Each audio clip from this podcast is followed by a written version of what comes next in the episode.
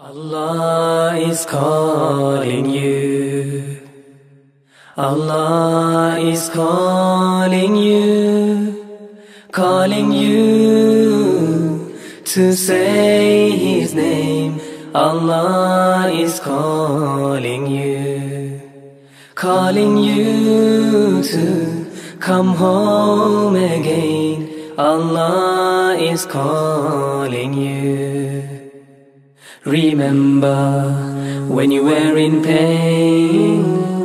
Remember when you called his name. But after he answered your prayer, you forgot that he is there. Allah is calling you.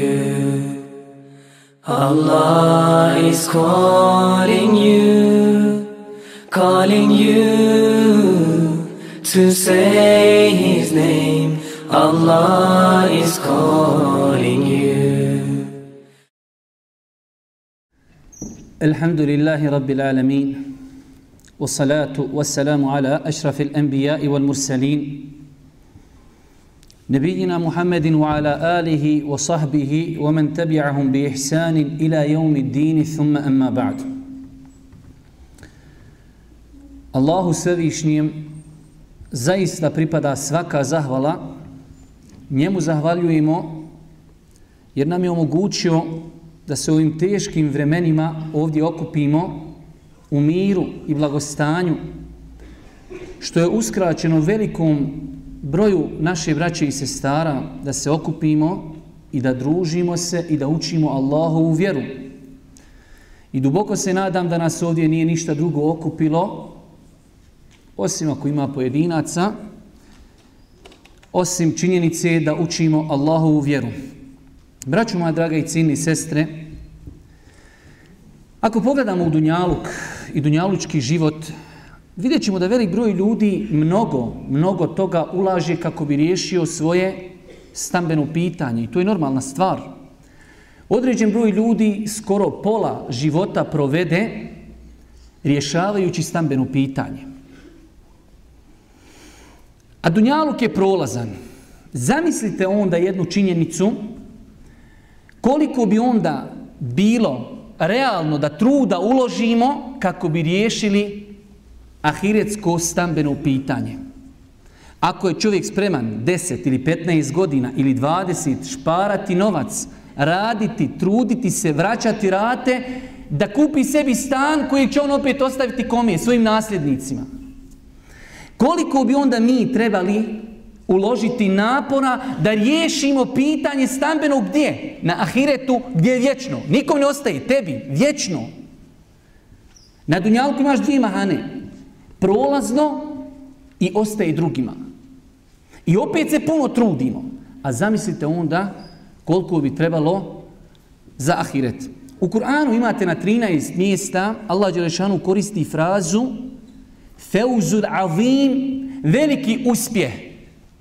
I u svim kontekstima ovih 13 ajeta spomenuti su u kontekstu ahireta. Nema na dunjalku veliki uspjeh. Samo ima veliki uspjeh na ahiretu. A veliki uspjeh je spasiti se džahennemski vatri, dobro položiti račune na sudnjem danu i ući u džennet.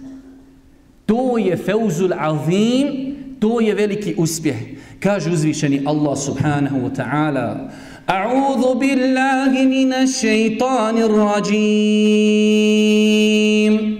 وعد الله المؤمنين والمؤمنات جنات تجري من تحتها الأنهار خالدين فيها ومساكن طيبة في جنات عدن ورضوان من الله أكبر. ذلك هو الفوز العظيم. كاجي الله جل شانه الله يأبتشاو مؤمن ما جنة كروس كوية رياكة تشي إي إدنسكي ورتوبي Ali kaže Allah Đelešanhu, Allahovo zadovoljstvo je veće od svega toga. Allahu akbar. I kaže, Zalike el feuzul azim. To je istinski uspjeh. Da Allah budi zadovoljan sa tobom. Taj, vraću moja draga i cijeni sestre, dan o kojim govorimo o gdje možemo zaslužiti taj istinski i veliki uspjeh je opisan u kuransko-hadijskim tekstovima za koje smatram da su vama poznanica izuzetno teškim opisima koji ostavljaju velikog traga na insana. Zato ćete naći u Kur'anu skoro na svakoj stranici Kur'ana ajeti koji govori o sudnjim danu. Oni odgajaju insana. Poslušajte samo neki, nekoliko ajeta, a knjige su o tome i napisane. Kako je težak taj dan? Kaže Allah Đelešanuhu u suri Zumar, فكيف تتقون إن كفرتم يوم يجعل الولدان شيبا kako ćete kaže Allah kako ćete ako ostanete nevjernici sačuvati se dana koji će djecu taj dan koji će djecu osjediti Allahu akbar samo kada bi razmišljali dan toliko težak dijete osjedilo kaže Allah dželešanuhu suri Hadž يا أيها الناس اتقوا ربكم إن زلزلة الساعة شيء عظيم. يوم ترونها تذهل كل مرضعة عما أرضعت وتضع كل ذات حمل حملها وترى الناس سكارى. وما هم بسكارى؟ ولكن عذاب الله شديد. لا إله إلا الله. كاج uzvišeni Allah o ljudi bojte se Allaha doista je potrije sudnjeg dana veliko. Kaže tog dana ćeš vidjeti da će dojilje zaboraviti ono što doji. Trudnice će pobaciti plodove i vidjet ćeš ljude da su pjani. A kaže nisu pjani. Već je Allahova patnja teška. Allahu akvar, pazi. Majka da zaboravi svoje dijete. Žena, vi znate kako žena da, da bi dobi, dobila, ili hajde da kažemo da ima spontani, šta treba da uradi, koliko treba da je neko ustraši. Kaže, vidjet ćeš ljude pjane, a nisu pjani. Allahova je kazna teška. Djeca osjedila, žene pobacile plodove, majke zaboravile svoju djecu. Ljudi kao pjani. Zašto? Zato što je Allahova kazna teška. Također, došlo je u hadisu o kojim kad bi razmišljali tako bi svevišnjeg Allaha, naš bi se život promijenio. Od Ebu Sa'ida el-Hudrija prenosi se u hadijskoj izvježima Buharija da je rekao Allahu poslanik alaihi salatu wasalam kazat će uzvišeni Allah na sudnjem danu o Ademe pa će se odazvati Ademe alaihi salatu wasalam pa će kazati odazivam ti se gospodaru kaže izvedi iz svog potomstva izvedi grupaciju za vatru. Pa će kazati koliko, ko su? Kaže od svake hiljede 999. Hadis u Buhari. Tako mi Allaha da razmišljamo o ovakvim stvarima, naš bi se život promijenio. Da znamo da imamo jedan od hiljadu da uspijemo. Da li bi imali vremena za Facebook, za serije, za filmove i za ostali budaleštine. Jedan od hiljadu. Jedan na sto kad je to, to je sad uspjeh. Jedan na hiljadu. Ide 99, 999 ide u vatru, jedan ide u džennet. Također, kaže Allah Đelešanu suri Al-Isra, وكل إنسان ألزمناه طائره في عنقه ونخرج له يوم القيامة كتابا يلقاه منشورا اقرأ كتابك كفى بنفسك اليوم عليك شهيدا svakom čovjeku ćemo za vrat svezati ono što je radio na Dunjaluku i pokazat ćemo mu knjigu otvorenu koju knjigu? njegovu knjigu koju pišu meleki jer mi vjerujemo da kod čovjeka postoje dva meleka zapisuju njegove dijela i šta će reći čovjeku Iqra kitabek, ki ti čitaj svoju knjigu. Dosta ti je danas belaja što moraš račun polagati. Također od stvari koje ukazuju na težinu ovog dana jeste da Allah Žešanu suri Keh spominje kaže Pa će se donijeti knjiga, opet knjiga. Pa kada je vide griješnici i nevjernici kazaće ljudi rade danas dijela misleći nikad za to neće odgovarati. Kaže Vovudi al-Kitab, pa će se donijeti knjiga. Pa ćeš i vidjeti prestrašene. Kažu, šta je ovoj knjizi? Nije ostavila ni malo, ni veliko da ga nije zapisala.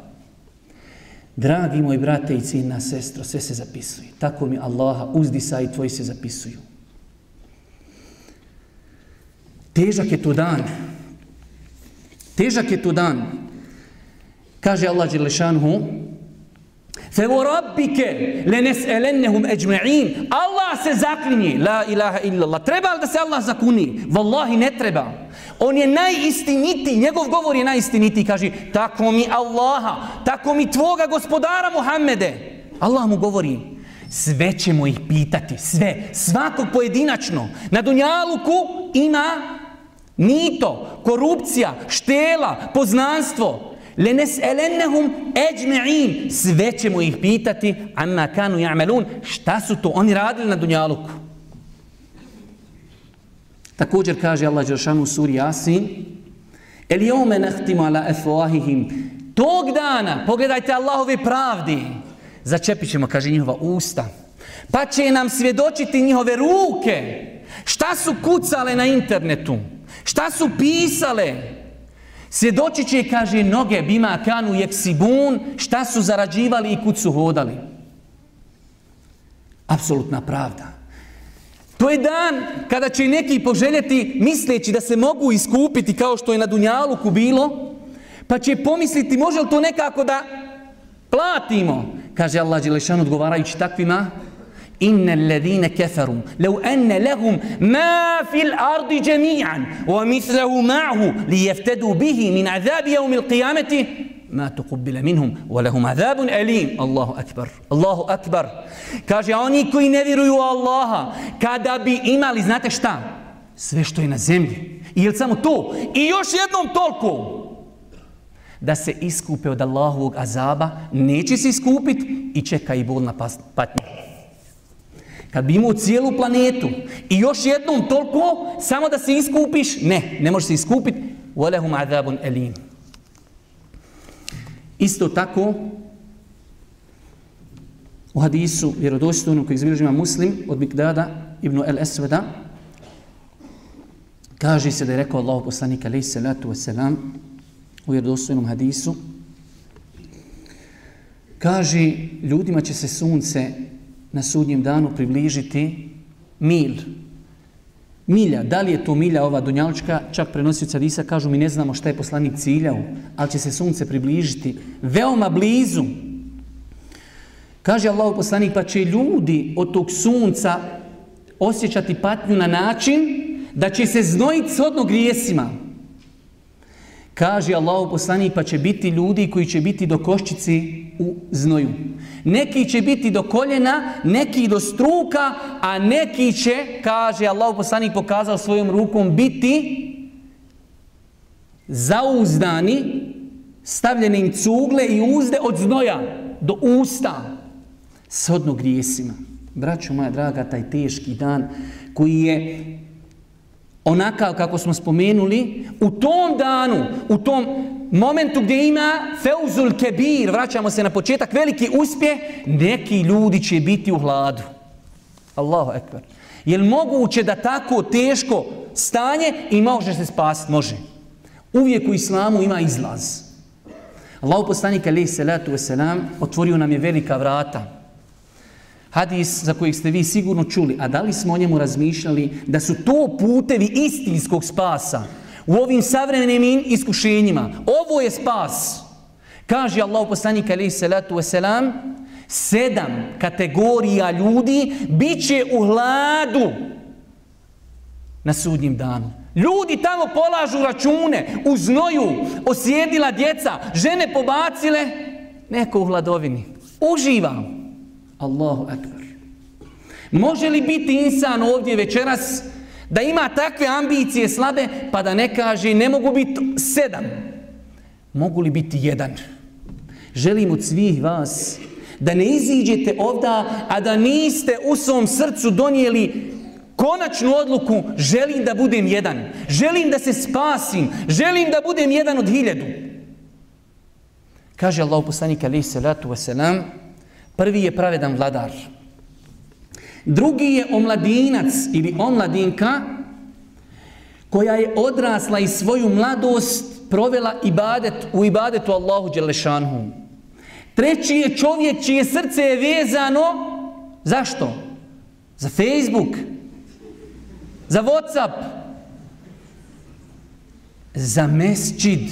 Treća kategorija, čovjek čije srce je vezano za mesčid. Četvrta kategorija, dvojica ljudi koji se vole radi Allaha i sad toga se sastaju i zbog toga se rastaju.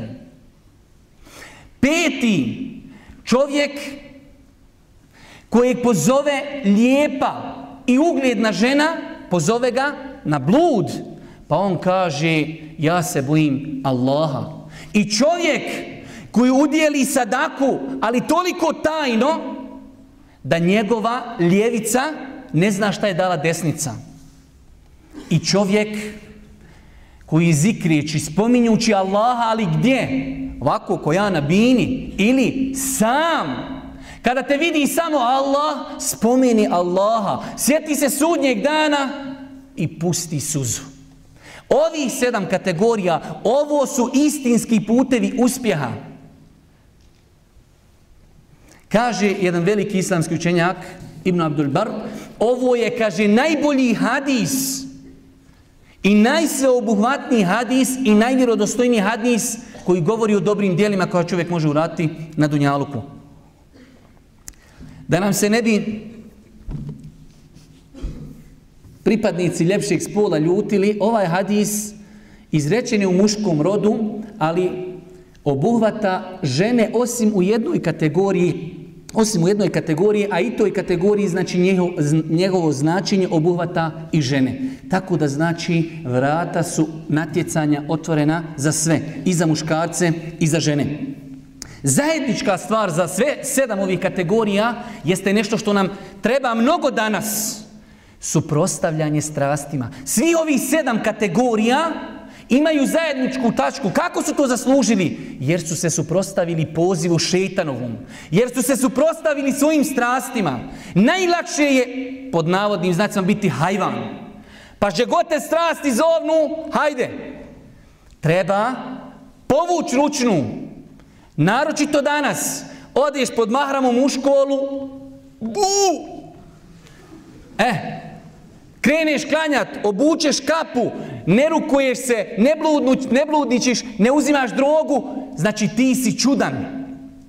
Danas je to teško, ali uvijek nek vam naumpadnu oni argumenti koji govore o težini sudnjega dana.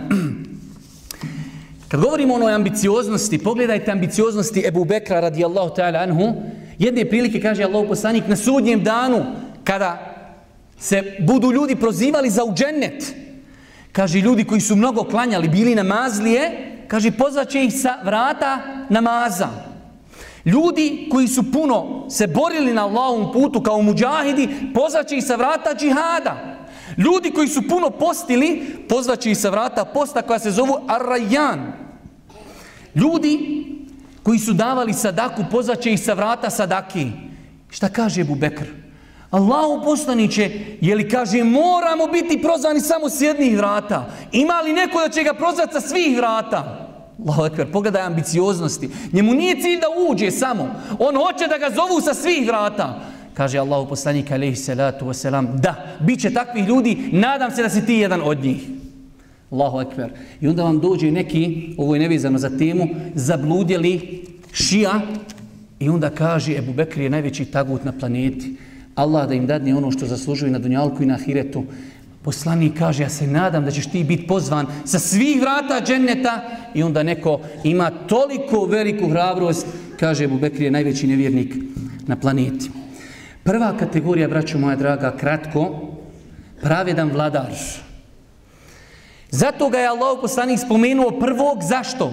Zbog toga zato što korist pravednog vladara se ne vraća samo na pojedinca. Čovjek koji njegovo srce vezano za mešćit, primjer radi, ili čovjek koji je odbio ženu, ili žena odbila muškarca, to je korist za pojedinca. Ova je spomenut prvi zašto?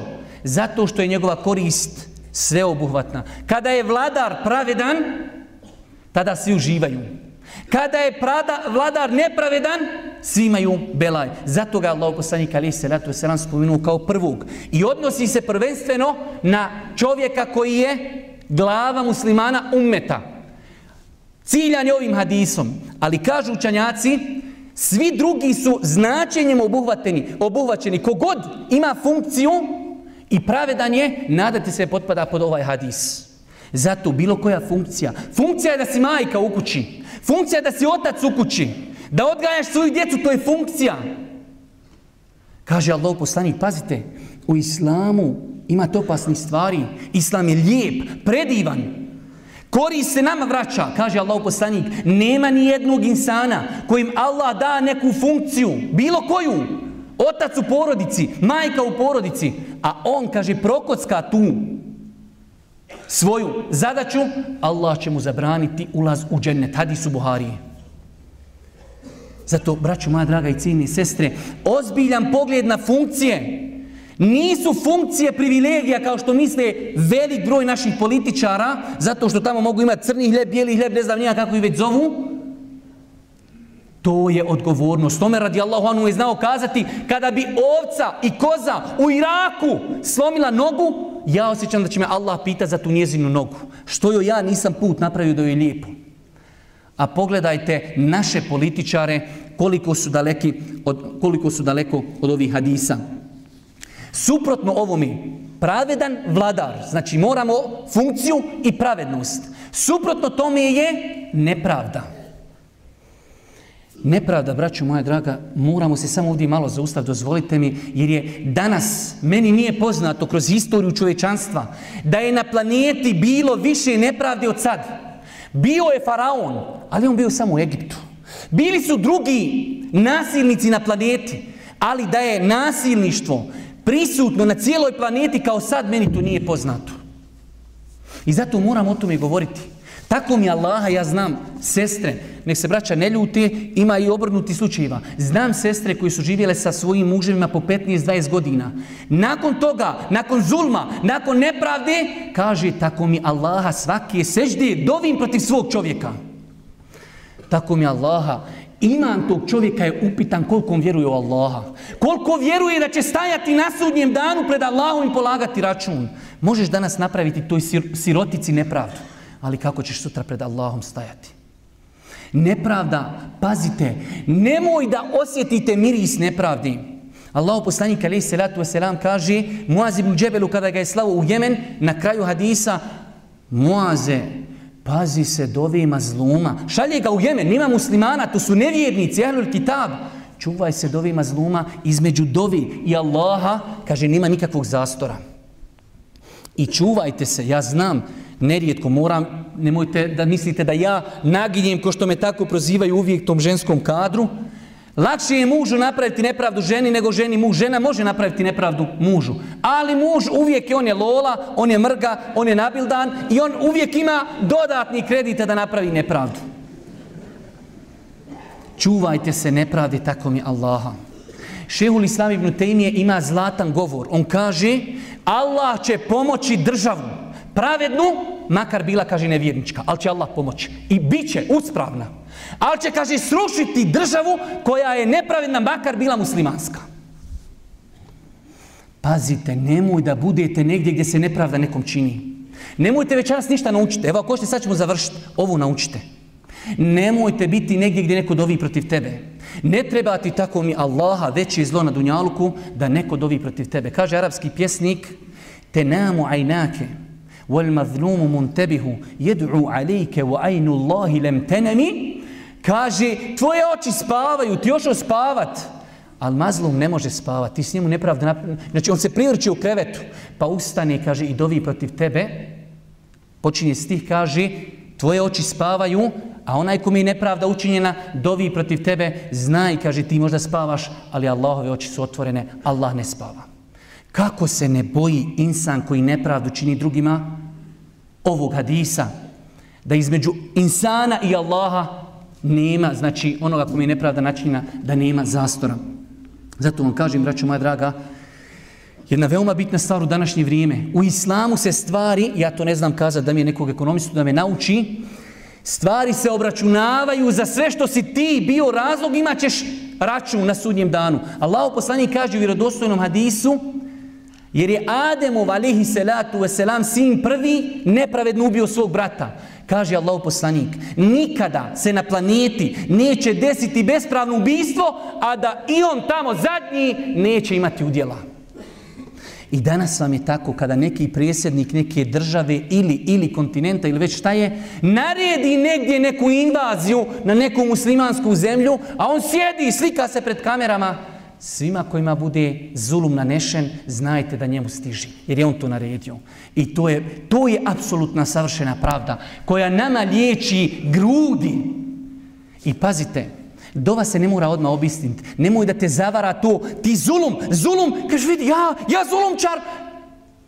وَلَا تَحْسَبَنَّ اللَّهَ غَافِلًا أَمَّا يَعْمَلُ الظَّالِمُونَ Nemoj da pomisliš da je Allah u gafletu i nemaru naspram onoga što zalimi čini.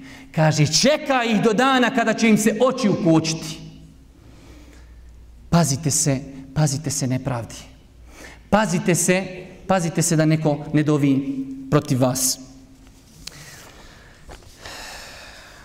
Zato vam kažem, jedne prilike, jedan poznat vama ših, Saleh Melamisi, da ga Allah poživi u svakom hajru, kaže, mi imamo osjećaj kad neko je slabić, njega treba pritisnuti. Kaže on, nemoj nepravdu činiti čovjeku koji je slabić. Ja slušam taj njegov ders, rekao, šta li će sad reći? Jer kaže insan koji ima na nekog da se osloni, on se kaže čitav život na njega oslanja, neće mi niko nepravdu učiniti zbog njega. I kaže, Allah je to rekao u drugim hadisima, Allah će insana prepustiti onome na koga se nagni i na koga se osloni. Ova ima rodbinu i on kaže, meni niko zulum neće činiti jer ja imam rodbinu. Ali kaže, onaj slabić nema nikog, on ima samo Allaha. I zato, kaže, njegova se dova prima. Ovaj se oslonio na nekog drugog, Allah ga njemu prepusti. Eto, nek to on čuva. Ako te sačuva, alhamdla, ne sačuvate, izgorio si paša. Ali, kaže, ovaj slabić, njegovo srce je vezano sam za Allaha. On nema drugu konekciju. Zato se kaže, čuvajte nepravde. Ja znam koliko ćete ljudi oženi ženu. Pa je ona odnekli ne vrijeđam, iz Srebrenici, iz Bratunca, nema mami, nema babi, sve joj pobijeno, sve poklano i on nju oženi i onda je ona robinja. Nima se komi žalt. Habibi ima gospodara svevišnjeg Allaha koji ne spava, koji čeka tu dovu tog mazloma. Čuvajte se, Allah mi dunjaluk je prepun nepravdi. Nemoj da vas zavede to što Allah nekoga pušta. Allah mi, Allah mi, pogledajte malo u naš okoliš, nestaju narodi. Čitajte statistiku, Allah ja ne izmišljam toplu vodu. Naš komšiluk nestaje. Ljudi uzumiru. Nestaju razredi, nestaju škole, nestaju sela, nestaju gradovi, tako mi Allaha. Jel mislite bez vezi? Wallahi stigla i dova muslimanskih mazluma i Srebrenice i drugih gradova. Jes tako mi Allaha. Stigla ih dova muslimana iz Harema, iz Mekke i Medine, kad su Ramazanu dovili da Allah uništi one koji su nepravedni na zemlji. Zato nemoj da misliš da nas činiš nepravdu i Allah ti ništa i ti kažeš ok, doćeš paša. Čuvajte se nepravdi, Allah vam dao svako dobro. I nemoj da mislite ima nešto sitno, u islamu nema sitno. Nepravda je haram, prema nevjerniku je haram. Ne smiješ nevjerniku načiniti nepravdu. Allahom poslaniku, alaihi salatu wasalam, kaže Allahom poslanik, onaj insan koji se lažno zaklijete, Lažno se zakleo, znači nepravda, da bi, kaže, uzeo tuđe pravo, vidi dvije kazne, zabranjen mu džennet i obavezan mu džehennem. Kaže jedan ashab, pa Boži poznaće, ako je nešto sitno, misvak, četkica za zube, pola marki, kaže, makar bio misvak, zabranjen džennet, obavezan džehennem. Nema nepravde sitni. Pazite se nepravdi i nemoj da mislite da neće doći vrijeme kada će se polagati računi. Nakon toga, jedna veoma bitna stvar, velika je nepravda, čini se ljudima koji praktikuju vjeru. Nepravda dosta boli kada dolazi od ljudi koji ne smiju sebi priuštiti nepravdu.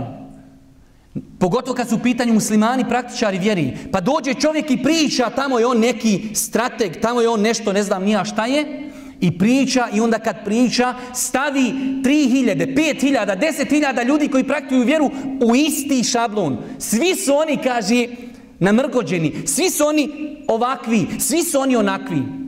To je nepravda koju musliman mora paziti da ne padne u nju. Vratimo se samo onoj našoj temi i idemo dalje. Braćo moja draga, pazite na funkcije. Pazite na bilo koje povjerenje koje vam se povjeri. Majka, Boži poslanik kaže, kullukum ra'in, svi ste vi pastiri i svi ćete biti pitani u podaništvu. Majka je pastir u kući svoga muža.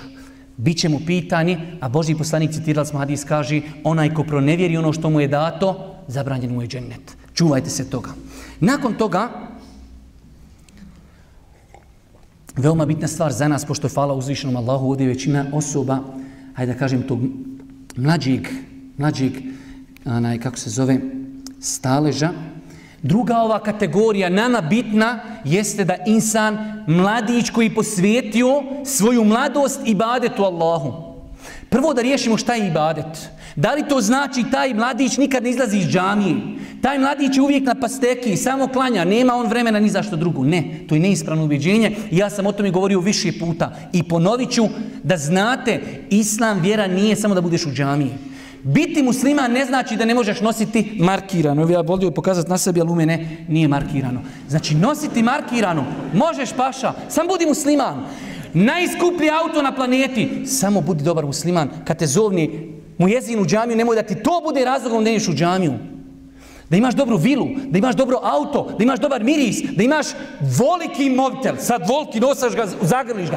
Imaj, pašak ti ga nije teško nosat, nosaj. Ali u džamiju, nemoj krast, nemoj harame činiti. Znači nije islam insana ograničio, ne možeš uživati na dunjaluku. Huwa lezi haleka lekum ma fil ardi džemi'an. On je za vas sve stvorio na zemlji. Ako je stvorio za mene, što da ne uživam? Što da ne uživam u onome što Allah stvorio za mene? Mene su tijeli ispalt na Mars da su imali raketu, ali nemaju što sam ja išao na more i kupao se na moru. Gdje ću pašao, ću iću Minacku, Allah ti sve višnjeg, tamo se ni rakovi neće kupat. Odeš na more, okupaš se normalno, budi korobizon kruso koji ja pobigni tamo na neko daleko ostrovo, će ti niko ne vidi, niti nikog ne vidiš i selam alikum. Ali što? Je Allah, Allah ti stvorio more za nevjernike? Ma stvorio ga za mene prvenstveno. Što bi ja, što bi se kupao u Miljackoj, uz dužno poštovanje Miljacki? Ide malo čoveče, gdje je slana voda. I zato vam kažem, nemojte svatati ovaj hadis bukvalno kako neki nekad znaju shvatiti. Pobožan, samo u džami, samo tespi, samo ne ispunjaj obaveze. Asabi, asabi su od nas milion puta bolji. Dolazi Asa Božijem poslaniku i kaže Allahu posljedniče, šta nam je Allah naredio? Kaže pet namaza u toku dana. Šta još? Kaže post. Šta još? Zekjat. Šta još? Hađ. Samo kaže to. Samo kaže to. Pet namaza, kaže, samo. Nema sunnijeta, ništa, samo farze. Kaže, Allah posljedniče, ja ako to uradim ili idem u džennet. Kaže, direktno u džennet. Kaže, ja ode sam. Neću, kaže, dodati na to ništa. Kaže Allah poslanik je sokrinu, ako ustraje na tome odu u džennet. Ako su ashabi mogli to, zašto ja ne mogu to? Znači držite se farza. Ko može sumjeti da ga Allah poživi, da ga Allah nagradi. Ali mi živimo u Evropi, mi živimo u Bosni, mi živimo i znate gdje živimo. I zato vam kažem, znači, znači, Biti pobožan ne znači, ne znači neđe se uvući u neku kućicu cuke i tamo neđe bi, habibi, izađi, progledaj, digni glavu. Znači, putovat. Uživaj na dunjaluku. Ali obaveze ispunjaj. Nakon toga, Braćo moja draga i cijene sestre, u ovom vremenu Ciljano je to za mene, znači to je definitivna stvar, omladina se cilja. Vas ciljaju, vi ste žrtve, mi smo, evo i ja sam omladinac, slomljeni nogi. Znači, sve je upereno u vas. Omladini se prilazi sa dvije strane, strasti i nejasnoće u vjeri. Te dvije stvari, ako pobjedite, vi ste inšala bizna uspjeli. Strasti. Pogledajte šta radi strasti. Pogledajte onu omladinu kad odu u one diskoteke, turbo folk, šta radi od njih. Habibi, ko da ga stavilo na struju trofaznu, koliko se on skači. Strasti. On, on hoda na glavi, on ne hoda na nogama. On treba kupiti cipele za glavu. Koliko vambrašne djece, koliko abortusa, koliko bluda, koliko droge, koliko, koliko, koliko, koliko, koliko, koliko razgoličenosti, koliko, to su strasti. I druga stvar, nejasnoće u vjeri. Imate momka krini u vjeru i onda se nakači tamo negdje na žicu i onda mu neko nauči ga kaže paša ti ubosni, ubosni, pa to ti je najča firska zemlja na planeti paša. Ti moraš čim ti iđu neđe gdje ima muslimana i gdje muslimani žive po islamu i tako dalje. I onda se on jadni počne sekira šta ću, kako ću. Znači pazite se nejasnoća. I imate kamion drugi nejasnoća, ja sam samo navio jedan primjer. Nama se sada napada, napada na najveće temelje dina. Dođe ti čovjek iz Irana i kaže Vaš Musav Bosanski je krnjav. Imate trećinu, mi imamo još dvije zakopane u Iranu pod zemljom. Kada je to nuklearna bomba, pa je moraš pod zemljom sakrivat. A Iša, cijeli umet, po kuranskim ajetima, a Iša nije počinila blud, kaže vi ne znate čitati Kuran, mi znamo, a Iša je počinila blud. Allah vam dao ono što zaslužujete na oba svijeta. I tu se ljuljaju stvari, temelji. I tu se ne smije šutiti. O tome se mora govoriti. I zato vam kažem, te stvari, strasti i nasnoće u vjeri. Čuvajte se takvih stvari. Vama, omladini, nekoliko savjeta, svaki savjet je po dvije rečenice. Prva stvar, znajte da će Dunjaluk proći. Pitaj svoju majku i svoju, svoju nanu i svoju, svoga oca, Jučer je on bio omladinac, danas je on stari dedo, očekuje da umri. I mi ćemo nekada biti tu. Čuvaj svoju životnu knjigu da je ne isprljaš sada u ovom vremenu kada ti strasti ključaju u mozgu. Čuvaj se, čuvaj da tvoja knjiga ostane čista. Umrijet ćemo svi tako mi Allaha. Umirali su oni koji su bolji od nas. Umro je Mohamed alaihi selam. Da je i ko osto živ, osto bi on. Umrijet ćemo. Otićemo. Mi nismo stvoreni od majmuna. Mi nismo stvoreni da gledamo utakmice. Mi nismo stvoreni, mi smo stvoreni da Allah obožajemo. Da ispunjajemo ono što On od nas traži. On nas je stvorio s ciljem. Ejukum ahsenu amela, ko će od vas bolje se ponašati? On vas je stvorio da ga obožajete.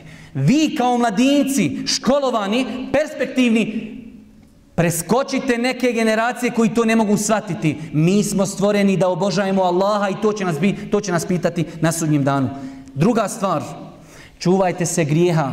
Grijesi kratko traju, ali njihovi tragovi ostaju dugo. Znam i navodio sam i možda se to gledali i slušali. Znam ljudi koji su probali neke stvari prije nego što su počeli praktikovati vjeru, pa se pokaju Allahu, ostavili blud, ostavili ono, ali srce gori. Pokaje se sestra, nosi mahramu, deset godina, ne može se njeno srce smiriti. Pokajala se Allahu čedna, čestita, ali joj srce para grije koju radila prije 15 godina. Nemoj sebi dozvoliti da onaj grijeh koji traje samo 10 minuta, manje ili više, da ti para budućnost 15 godina. Lakše se savladati pa ga ne učiniti. Isto tako, čuvajte se prosipanja vremena, naročito u stvarima koje vas vode u neispravnom pravcu. Čuvajte se interneta. Nažalost, mi muslimani u velikom broju slučajeva smo pali na ispitu interneta. Ne znamo koristiti internet. Koliko je brakova, tako mi Allaha, koliko ja imam slučajeva, ja sam niko i ništa, naše braće i sestara koji se žali međusobno, jedan od dva supružnika ima problem zato što ne zna koristiti internet. Čuvajte se interneta. Internet je jedan od najvećih hajrova izmišljen u historiji čovečanstva, kad ga koristiš kako treba. Ali isto tako, ako ga ne znaš koristiti, znači da ti pokvari život. Čuvajte svoje vrijeme. Također, pazite s kime se družite. Naročito studentska populacija, studentski domovi, vi znate, a i ja znam šta ima u studentskim domovima koliko je čedne i moralne djece koja dođu izvan Sarajeva pa se u studentskim domovima pokvari da ne može dalje, da je kraj. Čuvajte se s kime se družite. Sve će to proći, ali ono što uradiš ostaje. Pazite ko vam je uzor eno danas sam eto imao slučajno priliku da sam bio dole kod braći, pa su im pokazivali, trebalo bi kažu u nedjelju da se to emituje na TV Igmanu, Kao što se dole pravilo u Alžiru kada je bila ona anketa nabroj pet igrača, pa ti nabroji pet igrača, kada je znaš li ima saba, ne znam jednog. Danas jednog naših bošnju, to ćete vidjeti onaj, ako budete gledali emisiju u nedjelju, kažu, da nam paša nabroj, kaže, igrača, nekoliko igrača Barceloni, kaže, hoćeš prvu postavu ili ćeš drugu postavu. Kao je, daj paša prvu. Od 1 do 11 čovjek izdiktira ko rabi esir velato asir. Kaže, znaš ni jednog sahaba? Kaže, ne znam ni jednog. Kako će on slijeta sahaba? Kako će on, ko će mu biti uzor? Pa mora mu biti uzor onaj koji se šiša svaku drugi dan na drugačiju frizuru. Znači, pazite se ko vam je uzor. Uzor je Muhammed alihi salatu wasalam. Uzor su njegovi ashabi. Omladin je uzor Alija radijallahu ta'ala anhu. Uzor je Usame ibn Zeid, koji je bio kao 18 godina postavljen na čelo vojske u toj vojsci Ebu Bekr i Omer. Njemu 18 godina. Našim momku od 18 godina da mu dadneš dvije nacrtane ovce, on bi 100% izgubio. Što ništa šta bi od živi uradio onda. Zato vam kažem, pazite s kime se družite, pazite ko vam je uzor. Imate blisku historiju, Mohamed Fatih preuzo kontrolu nad halifetom, nad hilafetom u 20. godini. Odnosno i prije, u 20. godini osvojio Istanbul čoveče. Što nije pošlo ljudima prije njega koji su bili velike vojskovođe. Osvojio našu zlatnu Bosnu sa 32 godine. Kod nas sa 32 godine čovjek samo razmišlja, znači samo šta razmišlja koliki je mobitel kupio, imal da je veći od njegovog izišu. To je završena njegova sva planeta. A Muhammed el-Fatih je mogao donijeti islam u to vrijeme, donio ga ovdje nama. Pa vidite vi koga, koga treba slijediti. Nakon toga, braću moja draga, treća kategorija ljudi koji imaju mogućnost da budu u hladu kada se drugi budu ljudi tušili, jeste osoba čije srce je vezano za džamiju. Ovdje islamski učenjaci isto kažu da direktno žena ne potpada zato što je ženi namaz u džamiji bolji nego namaz, ženi namaz kod kuće je bolji nego namaz u džamiji. To ne isključuje da žena ode povremeno u džamiju da klanja kao što je bila praksa ashaba radi Allahu ta'ala i o to ćemo govoriti poslije.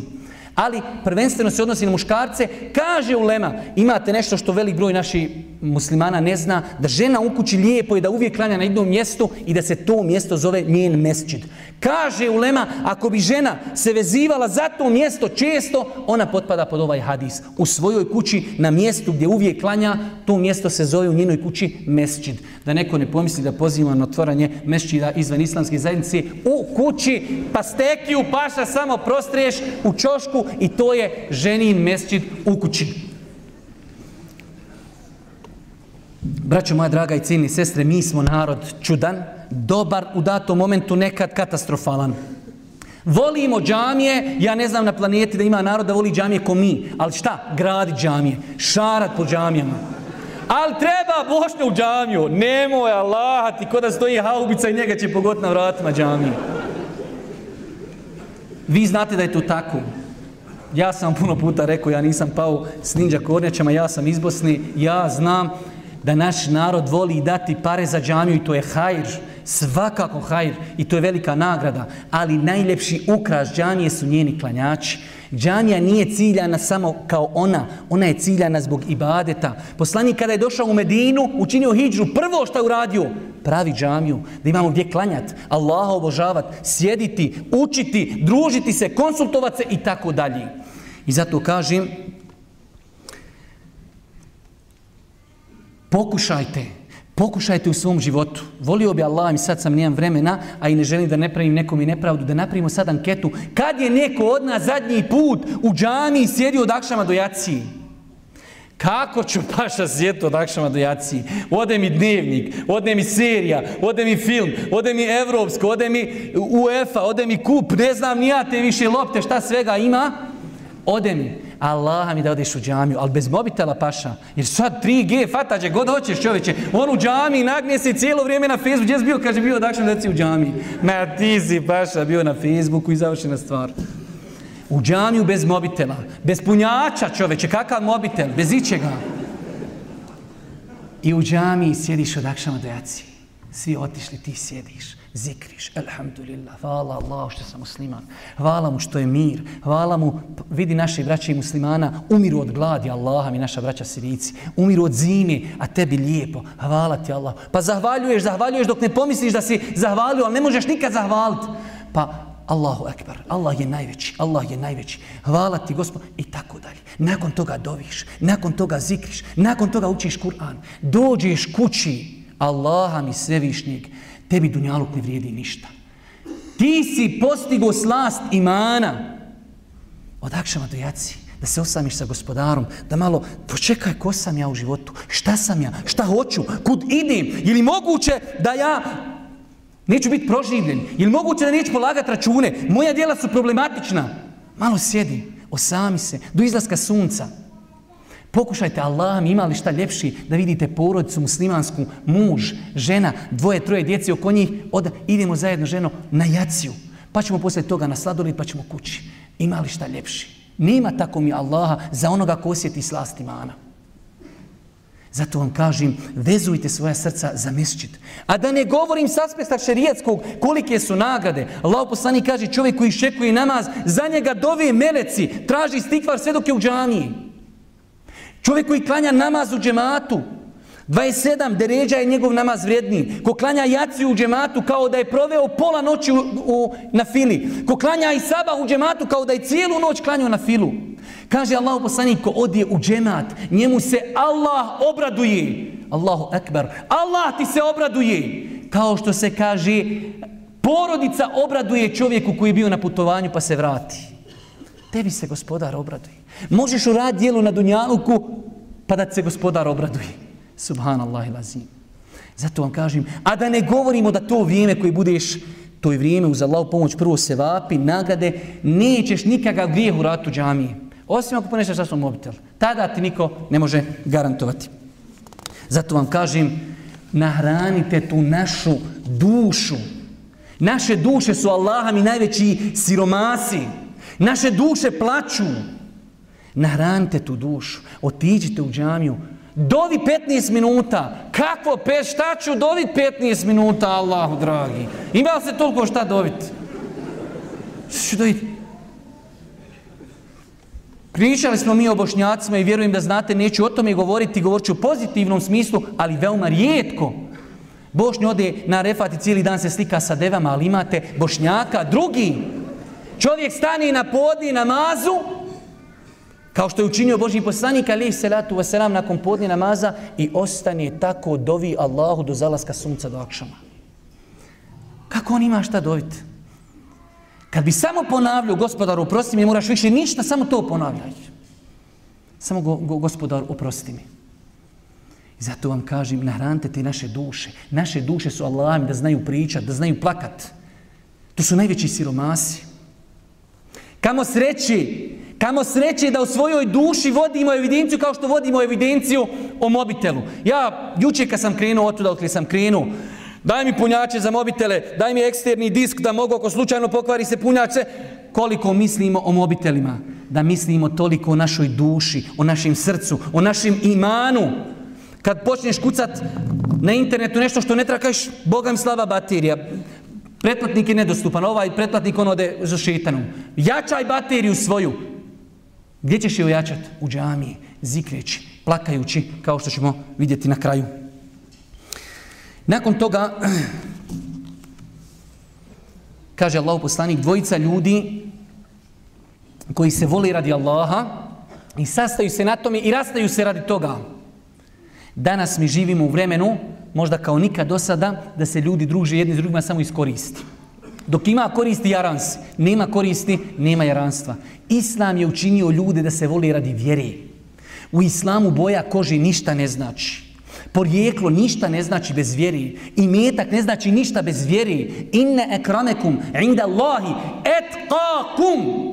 Kod Allaha su najbolji oni najbogobojazni.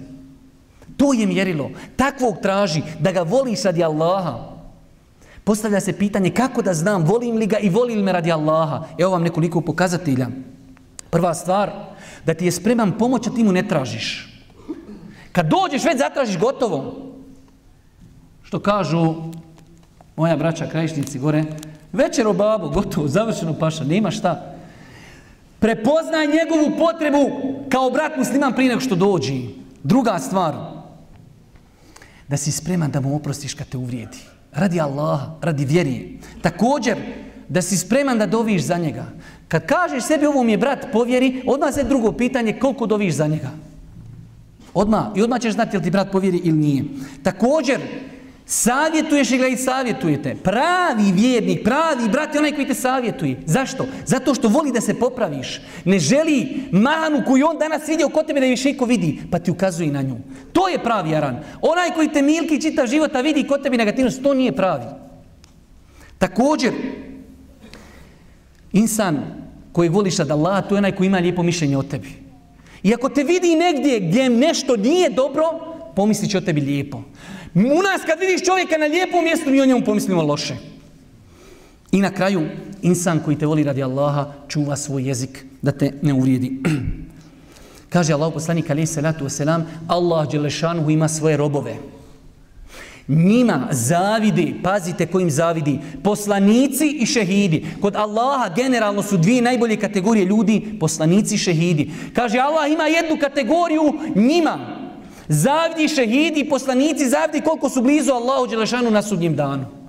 Pa je jedan Arab pao pred poslanika na koljena. Allahu poslaniče kaže, kaže nam ko su. Da budemo, da vidimo ko su. Kaže, to su oni ljudi koji su se okupljali iz različitih plemena. Nisu, znači, vezivala plemena. Vezivalo, vezivalo ih je da su se voljeli radi Allaha Đelešanu. Kaže, pa će im Allah dati posebnu počast na koju će im zavidjeti poslanici i šehidi. Također, peta kategorija ljudi jeste čovjek, a rekli smo da se odnosi ovo i na ženu, koji pozove lijepa žena ili ženu pozove lijep muškarac ugljedan, na nemoral, pa kaže ja se bojim Allaha. Allahu akbar. Koliko nam je danas potreban ovaj moment da imamo ljude da su svjesni, rekli smo na početku hadisa, sedam ovih kategorija okuplja jedno svojstvo. Svjestan da ga Allah neprestano vidi. Allaha mi internet nam je pokvario iman, srce. Mislimo kad stavimo zavijese u kući da nas niko ne vidi. I onda se upuštamo ono što ne bi trebalo da radimo. Oslabio nam je imunitet imana. Svjesnost da nas Allah neprestano vidi. I ovdje je znači blago se onom insanu. Pazite, ima ljudi pogrešno. I meni se desilo da mi je čovjek došao, pogrešno shvatio ovaj hadis.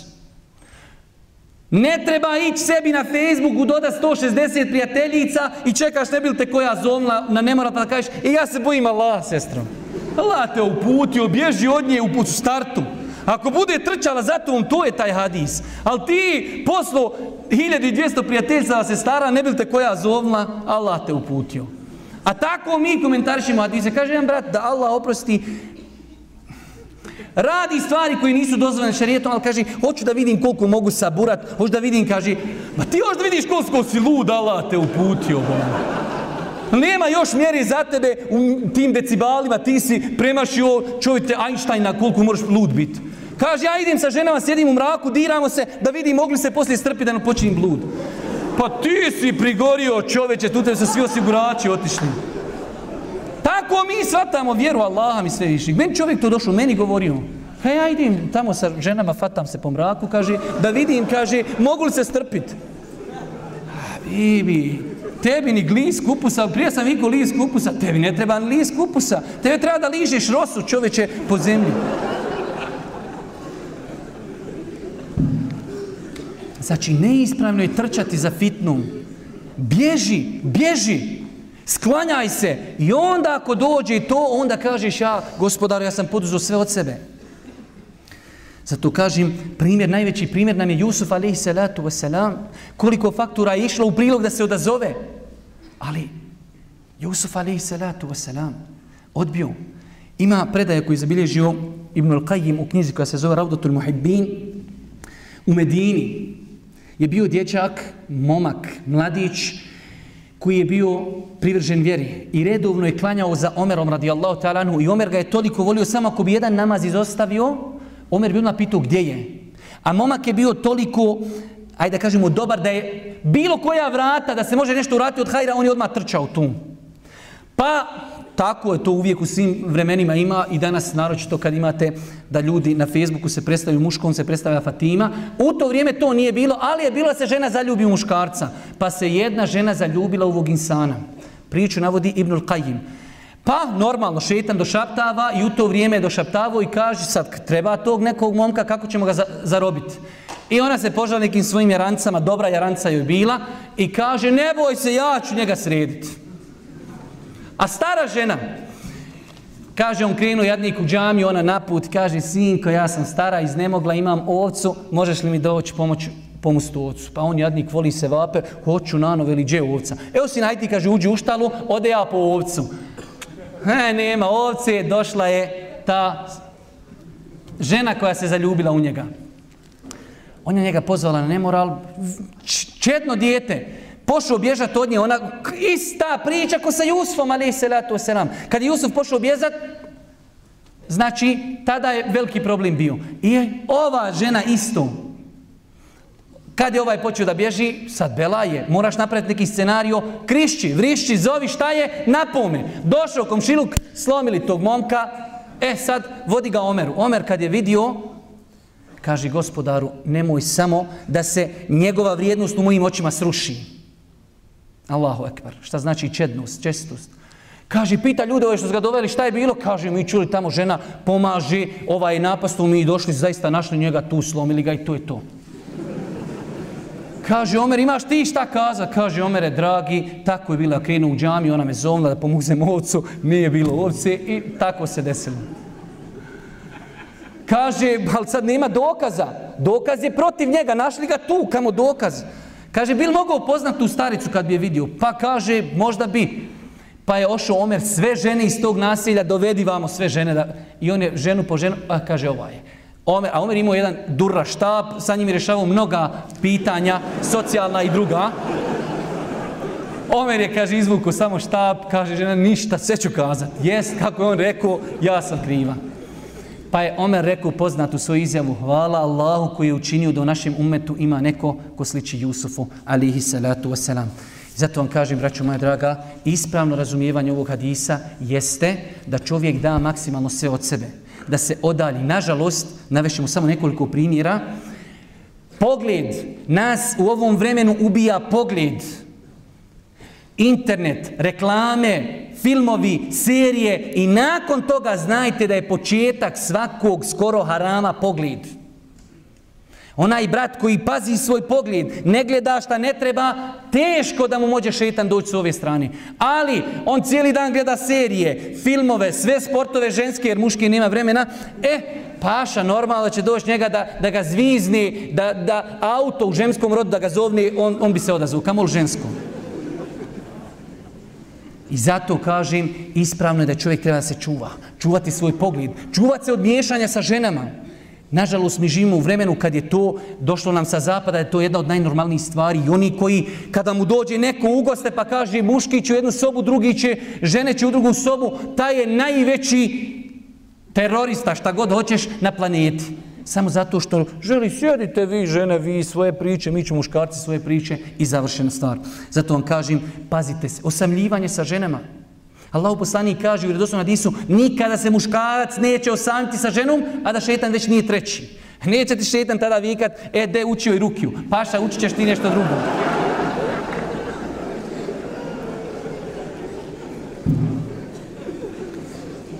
Zato Znači, pazite se osamljivanja, pazite se miješanja sa ženama, pazite se pogleda. Nakon toga da dođe neka da te zovne ili da dođe neki da zovne ženu, tada da čovjek odbije. Ali ne da mi poduzmemo sve, da postanimo kokvasac, nadošli, sam te treba gurn, paša u šporeba, ti si nadošao bolan. Čuvat se takvih stvari. Kaže Allah poslanik, pazite ovdje, nama se dešava često da ove stvari, miješanje je tajno, gledanje je tajno, osamljivanje je tajno. Pazite, u šerijatu to svojstvo kod ljudi je jedno od najgorih. da čovjek ima više dresova. Pazite ovaj hadis, znači treba da bude, treba da bude magistrala našeg života. Kaže Allah poslanik, ja znam ljudi na sudnjem danu koji će doći sa dobrim dijelima velika kao brda. Ne malehna dobra dijela, velika kao brda.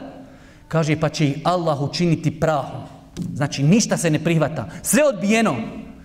Pa su ashabi opet pali na koljena, kaže Allah poslaniće, ko su da ne budemo?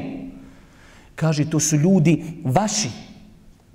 Iz, naši, iz vaših porodica u smislu vašeg podjekla. Kaže, klanjaju noći namaz kao i vi.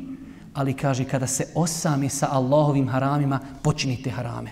Kada je pred narodom musliman, praktikuje, čuva se. Kada je sam, tada padaju Allahove granice. Tu se gleda tvoj iman. Koliko čuvaš Allahove granice kad te niko ne vidi. I pazite da neko od nas ne potpadne pod ovaj hadis. Da ne bude od onih ljudi koji pred ljudima, elhamdulillah, jerhamu kella, vrata Allah, te nagrađe, džezak Allah, hajr, misak, ko četka za krećenje voća. I onda ode u kuću i onda radi ono što ne treba da radi. Čuvajte se takvi stvari. Također, jedna priča koju spomenu isto Ibn Qajim u ovoj knjizi Raudatul Muhibbin, kaže u Mekke je bila jedna žena izrazito lijepa. Pa jedne prilike umislila se malo u svoju ljepotu i pogledala se u ogledalo, pa je rekla svome mužu, kaže šta misliš, da li ima neko na svijetu da mene može vidjeti ovako u furanu i da kaže ono kao da mu se ja ne svidim. A Allah dadne da uvijek u umetu ima ti heroja. Kaže on ono koji isprve, ba ima, normalno kaže da ima. A ona kosa je odmah ko ježa. Ko je, kaže, daj da ga vidim. Kaže Ubejd ibn Umeir, ši, ali, meka, ilm, znanje. Kaže ona, ali pogledaj što, da Allah oprosti, nemojte se ljut, što šeitan ne da žensku mira. Kaže ona, haj, hoćeš li mi dozvol da ja njega probam zavesti? Sjedi Allah te u puti, u kući, kućeš. Ne, kaže, de da vidiš, mogli ja njega, da vidi hoće li se sviti. Kaže, zna čovjek koga je predložio za parlament. Kaže on, slobodno, bujrum. Ona se našminkala, sredila se i naders. Ha, naders. I to gdje? U Haremu u Mekke. Završio se ders, kaže ona, šej, imam pitanje. Kaže, ali ne mogu ovdje pred narodom, možemo li negdje učešak, da nas niko ne vidi. On se tu negdje samo sklonili, ka, kaže, ona podigla već šta je imala od odjeći, znači s lica, kaže, pa je se pojavilo njeno lice, zasjelo kao mjesec. Tako stoji u priči. Pa je, kaže, šeho borio pogled i rekao, Allahova robinju, boj se Allaha. Sad ona njemu baca onaj felu, kaže, ja sam zaljubljena u tebe, ne mogu bez tebe. Samo ti, nema dalje. Ti si lijek za sve moje rane. Tebe ako nema, ja ode. Ovo je rivajet od mene.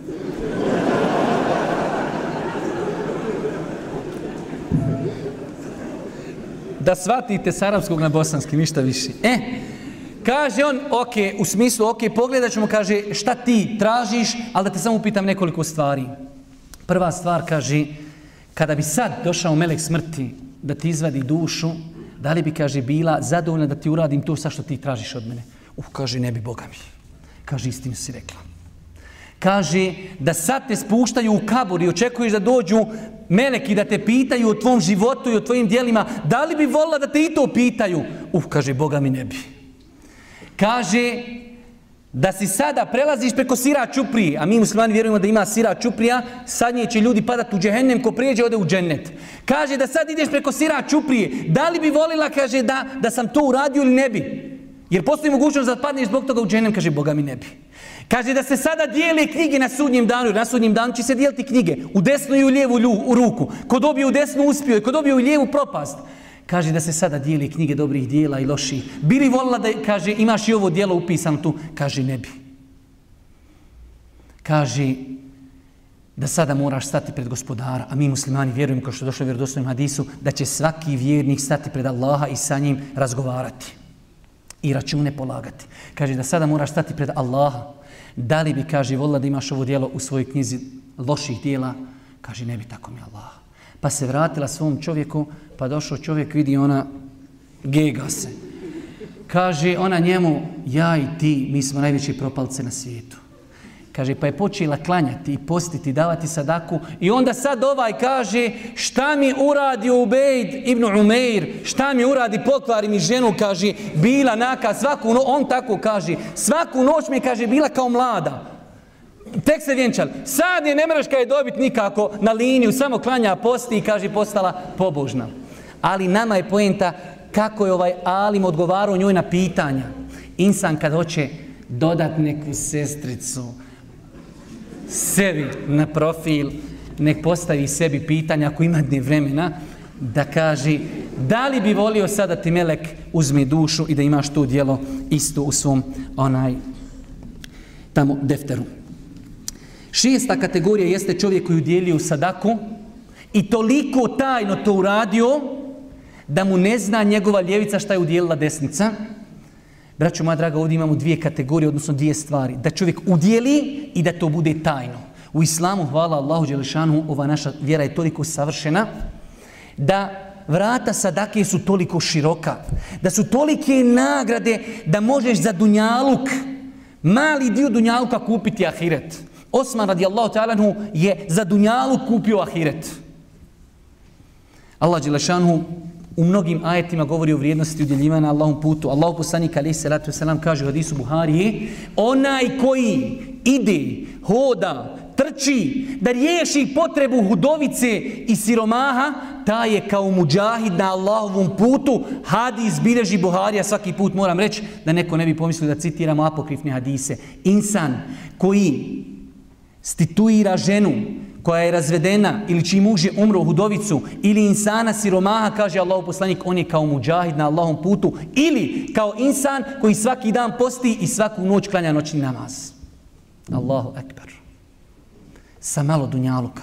Također, ima muslim nam je zabilježio hadis od Ebu Huriri, kaže, jedan čovjek je jedne prilike išao kroz pustinju, kaže, pa je čuo u oblacima, znači kod imama muslima da ne pomislite da su ovo neke crvenkapice. Hadis kaže pa je čuo zvuk i čuo je glas u oblacima, kaže glas se oblacima obraća. Prospi kaže kišu na baštu tog i tog. Ime i prezime. I kaže oblaci odoše i kiša se spušti na, na neku baštu. On tamo došao kad neki čovjek navodnjava tu vodu koja je pala samo na njegovu baštu. Kaže Allah, Allahu vrobe, kako se zoveš? Čovjek sad, Ništa. Prvo, Allahu vrobe, kako se zoveš? Kaže, zovem se tako i tako po imenu kojeg je čuo gore na nebesima. Sad ovaj kaže, što tebe interesuje, kako se ja zovem? Ništa te drugo ne interesuje. Kaže, tako mi Allah, čuo sam, kaže, na nebesima glas koji kaže, idi i prospi vodu na hadiku i na baštu tog i tog kaže, kad je to do toga došlo, kad je se saznalo, kaže da ti kažem, ja, kaže, ovu svoju baštu obrađujem. Trećinu, kaže, ja i moja porodca pojedimo, trećinu podijelim, kaže, na Allahom putu i trećinu vraćam ponovo sijem. Pogledajte kerameta koji je Allah Đelšan da ovom insanu, zbog imetka, da njegovo ime se spominje na nebesima, da njegovu baštu samo zaljevaju oblaci. Isto tako treba da znate u našoj vjeri insan prvo, prvo da gledamo samo dunjalučki. Stvari se vrednuju shodno tvome posjedu. Kaže Allah poslanik u vjerodostojnom hadisu, kaže pretekao je dirhem ili zlatnik ili srebrenjak stotinu hiljada drugih. Kažu asabi, kako to može jedan dirhem ili zlatnik ili srebrenjak da pretekne stotinu hiljada drugih? Kaže, čovjek imao samo dva dirhema. Pa je, kaže, uzeo i od nje udjelio sadaku, jedan od njih je, znači, uzeo pola imetka. A drugi je imao, kaže, veliku gomilu blaga. Pa je zagrabio, bilo je sto hiljada pa je udjelio, ali je njemu ostalo mnogo više.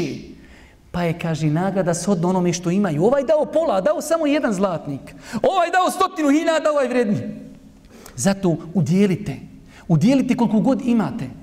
Deset veninga, udjelite. Allah poslanik kaže, čuvaj se vatre džehennema, makar sa datulom. Sa pola datuli. Nemoj prezirati sadaku. Poglavlje sadake je široko. Allah poslanik nam je otvorio jednu veliku lepezu. Pa nam je rekao da je osmije. Kad sretniš brata muslimana da je to sadaka. Pa nam je kazao Ima mnogo toga. Skloniti prepreku s puta, to je sadaka. Lijepa riječ, sadaka. Čuvati muslimane od svog zla. Pazite, vidite ovo i vrata sadake. Došlo u vjerodostojnom hadisu, došao Asa Božijem poslaniku i kaže Allah poslaniče, koji je najbolje dijelo? Kaže to i to. Kaže ja tu ne mogu, ima šta manje? Kaže ima to i to. Ima li šta manje? Ima to i to. Ima li šta manje? Kaže Allah poslanik na kraju kad kaže nemam ništa. Kaže čuvaj muslimane od tvog zla, to ti je sadaka tebi. Allahu ekber. Koliko je ljudi koji muslimane, planetu kompletno zliberavaju svojim jezikom. Bolan, smiri jezik i to je sadaka tebi kod Allaha Đalešanu. Koliko su vrata Islama široka, sjećam se jedne prilike, dolazi nama jedan šeh i imali smo seminar samo znači o tome kako pozivati nevjernike u Islam. Pa šejh, on je studirao u Americi, šta ja znam, pričao je kako je on te nevjernike e, ubjeđivo, kako je lijepo u Islamu, čak ako skloniš papir da imaš sevap. Rekao, šeh, Allah te nagradio halal, rekao, ja znam, volim ovako nasmijavati publiku, rekao, ali zar nisi našao kakav bolji hadis da im kažeš? Rekao, Kaže on koji ima bolji, ili ja sam našao nešto najbolji. Pa rekao, znaš da ima kod nas hadis da je Boži poslanik Ali Salatu Selam kažao, kazao i u spolnom odnosu nekog od vas je sadaka. Kaže, stvarno je taj hadis bio preći da im ga spomenim, pogotovo kad su u pitanju zapadnjaci. Allah poslanik do te mjeri kaže, čovjek će od vas u spolnom odnosu sa ženom na halal način imati sadaku. Znači vrata, braćo moja dragi cini sestre, sadake su široka. I na kraju, zadnja stvar i zadnji način kako čovjek da postigne ovaj vječni uspjeh jeste da čovjek spomeni Allaha, zikri Allaha u samoći i da zaplaći. Da zikri i da spomeni Allaha i da zaplaći. Mi u pogledu zikra i spominjanja Allaha imamo tri kategorije ljudi. Imamo lijevo, desno i sredinu. Imamo lijevo ljude koji ne znaju ništa o zikru. Ne znaju da postoju u islamu nešto što se zove spominjanje Allaha. Ela bi zikri Allahi tatme innul kulub, kaže Allah Đelešanu, doista se spominjanjem Allaha smiruju srca. Naša srca su žedna da se smiri u zikr, u estagfirullah.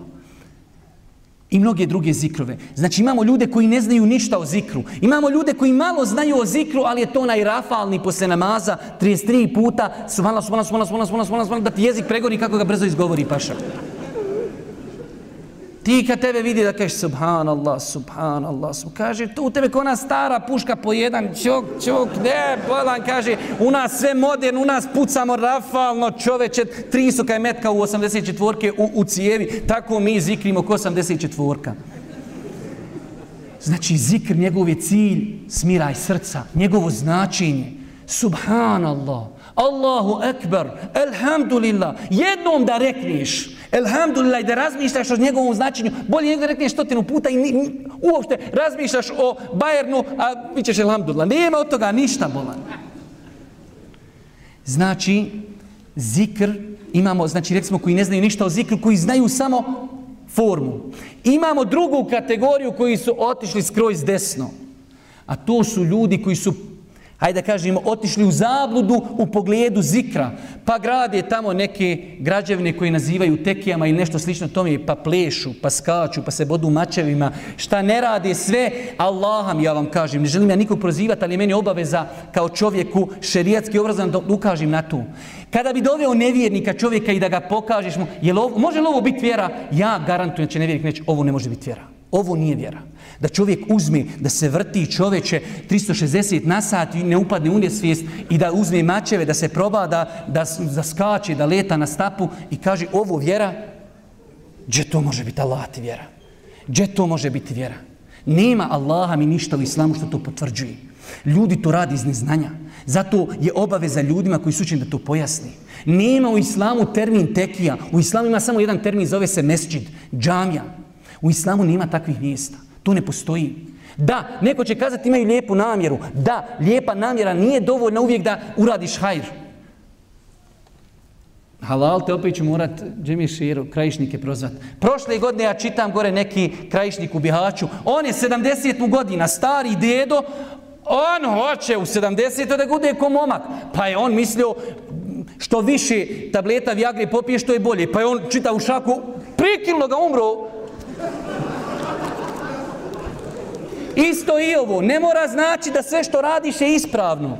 I Viagra, paša, ako već te Allah iskušao da to trebaš, po, volan po tableticu podvi, ne, ne po šaku, volan, 70 godina, gotovo.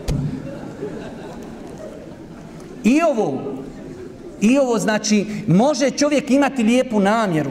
Da čovjek kaže, ja ću klanjati podne, farze pet, reketa na jedan rezervni, rezervni točak u, u auta.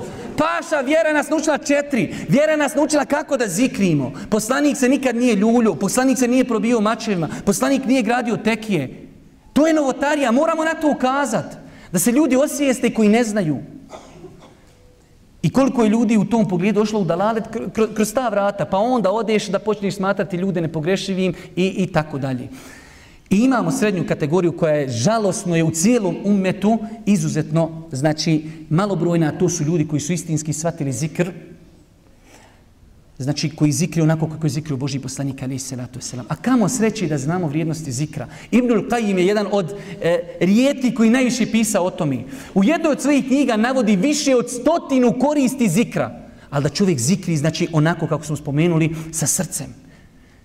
Vidite, u nas, ja garantujem da od pola, 50% bosanaca ima problema sa džinima i šetanjima.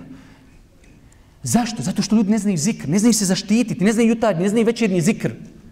Znači, zikr ima razno razne koristi. Ojačava ljudsko srce. Čuva čovjeka od šetana, povećava na faku, smiruje tvoje srce, odagnava od tebe tugu i bol i mnoge druge stvari koje govorio Ibn Kajim, čitajte u njegovim knjigama.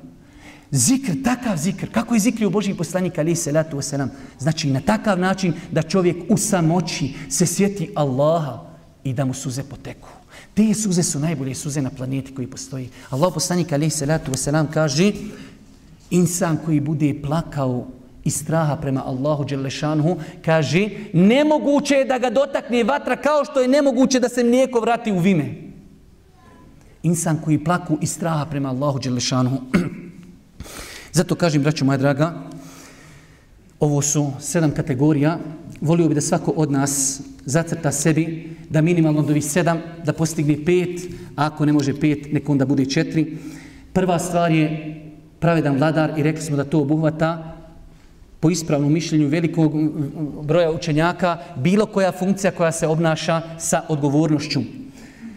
Druga stvar, omladinac koji je posvetio svoju mladost obožavanju Allaha Đelešanu, pa smo rekli da to ne znači da mora neprestano biti u džami na pasteki, već to znači da treba da bude pokoran Allahu Đelešanu, a to nikako ne isključuje da može uživati u onome što je dozvoljeno i halal. Pa smo rekli da je jedan od načina vezivanje srca za mesčid, izuzetno bitna stvar da odgajamo sebe i svoju djecu, da je najveći ukras jedne džamije njeni klanjači, da odvojimo u ovim teškim vremenima malo vremena, da odemo u džamiju od akšamo do jacije, do izlaska, od sabaha do izlaska sunca, da malo sazikrimo, da malo razmislimo, da postavimo sebi par pitanja, a odgovor možemo samo sebi dati ko sam, šta sam, što ću na Dunjaluku, gdje idem, šta radim, dokad ću to raditi i tako dalje. To se najbolje rešava u samoći. Ljubav u ime Allaha je također način da volimo ljude samo radi njihove vjeri, samo radi Allaha Đelešanu. Također, da bježimo od nemorala, ali ako bi se desilo u životu da čovjek bude iskušan, da ga pozove žena ili žena da bude iskušan da je pozove čovjek na nemoral, da to odbije radi Allaha Đelešanhu, da čovjek udjeljuje od svog imetka sadaku, da se potrudi da ta sadaka bude tajna, da niko ne zna, da ne očekuje da se slika, niti Facebook, niti novine, niti ko da ga reklamira, da to bude radi Allaha. I pogledajte ovdje mudrosti. Nije rekao Boži, Boži poslanik ko udjeli veliku sadaku taj. Ne, kaže ko udjeli sadaku. Ali samo da bude tajno. Samo da niko ne zna. Radi iskrenosti, radi iskrenosti udjelite sadaku iz svog imetka, ne bili vas Allah počastio ovim putem i na kraju rekli smo spominjanje Allaha tajno, znači čovjeku ako to bude razlog da njegove oči orosi, to je veliki hajr na Dunjaluku. Molim Allah Đelešanu da ono što smo čuli bude korisno za nas. Molim Allah Đelešanu da nas učesti na putu istini. Molim Allah Đelešanu da nam istinu pokaže istinom i da nam olakša njeno sjeđenje, a da nam neistinu i batil pokaže neistinom i batilom i da nam omrazi slijedženje toga. Molim Allah Đelešanu u ovoj večeri da pomogni našu braću muslimane ma gdje bili. Molim Allaha Đelešanhu da ubrza pobjedu muslimanima ma gdje bili. Molim Allaha Đelešanhu da još na Dunjaluku prije ahireta kazni nasilnike. Molim Allaha Đelešanu da nas, naše porodce i naša potomstva uvede u džennet u društvu sa Božim poslanikom alaihi salatu wasalam. I na kraju, subhanake Allahumma wa bihamdike, ašhedu in la ilaha illa ente stagfiruke wa etubu ilaik. Allah is calling you. Allah is calling you, calling you to say His name. Allah is calling you, calling you to come home again. Allah is calling you. Remember when you were in pain. Remember when you called his name, but after he answered your prayer, you forgot that his name. Allah is calling you. Allah is calling you, calling you to say his name. Allah is calling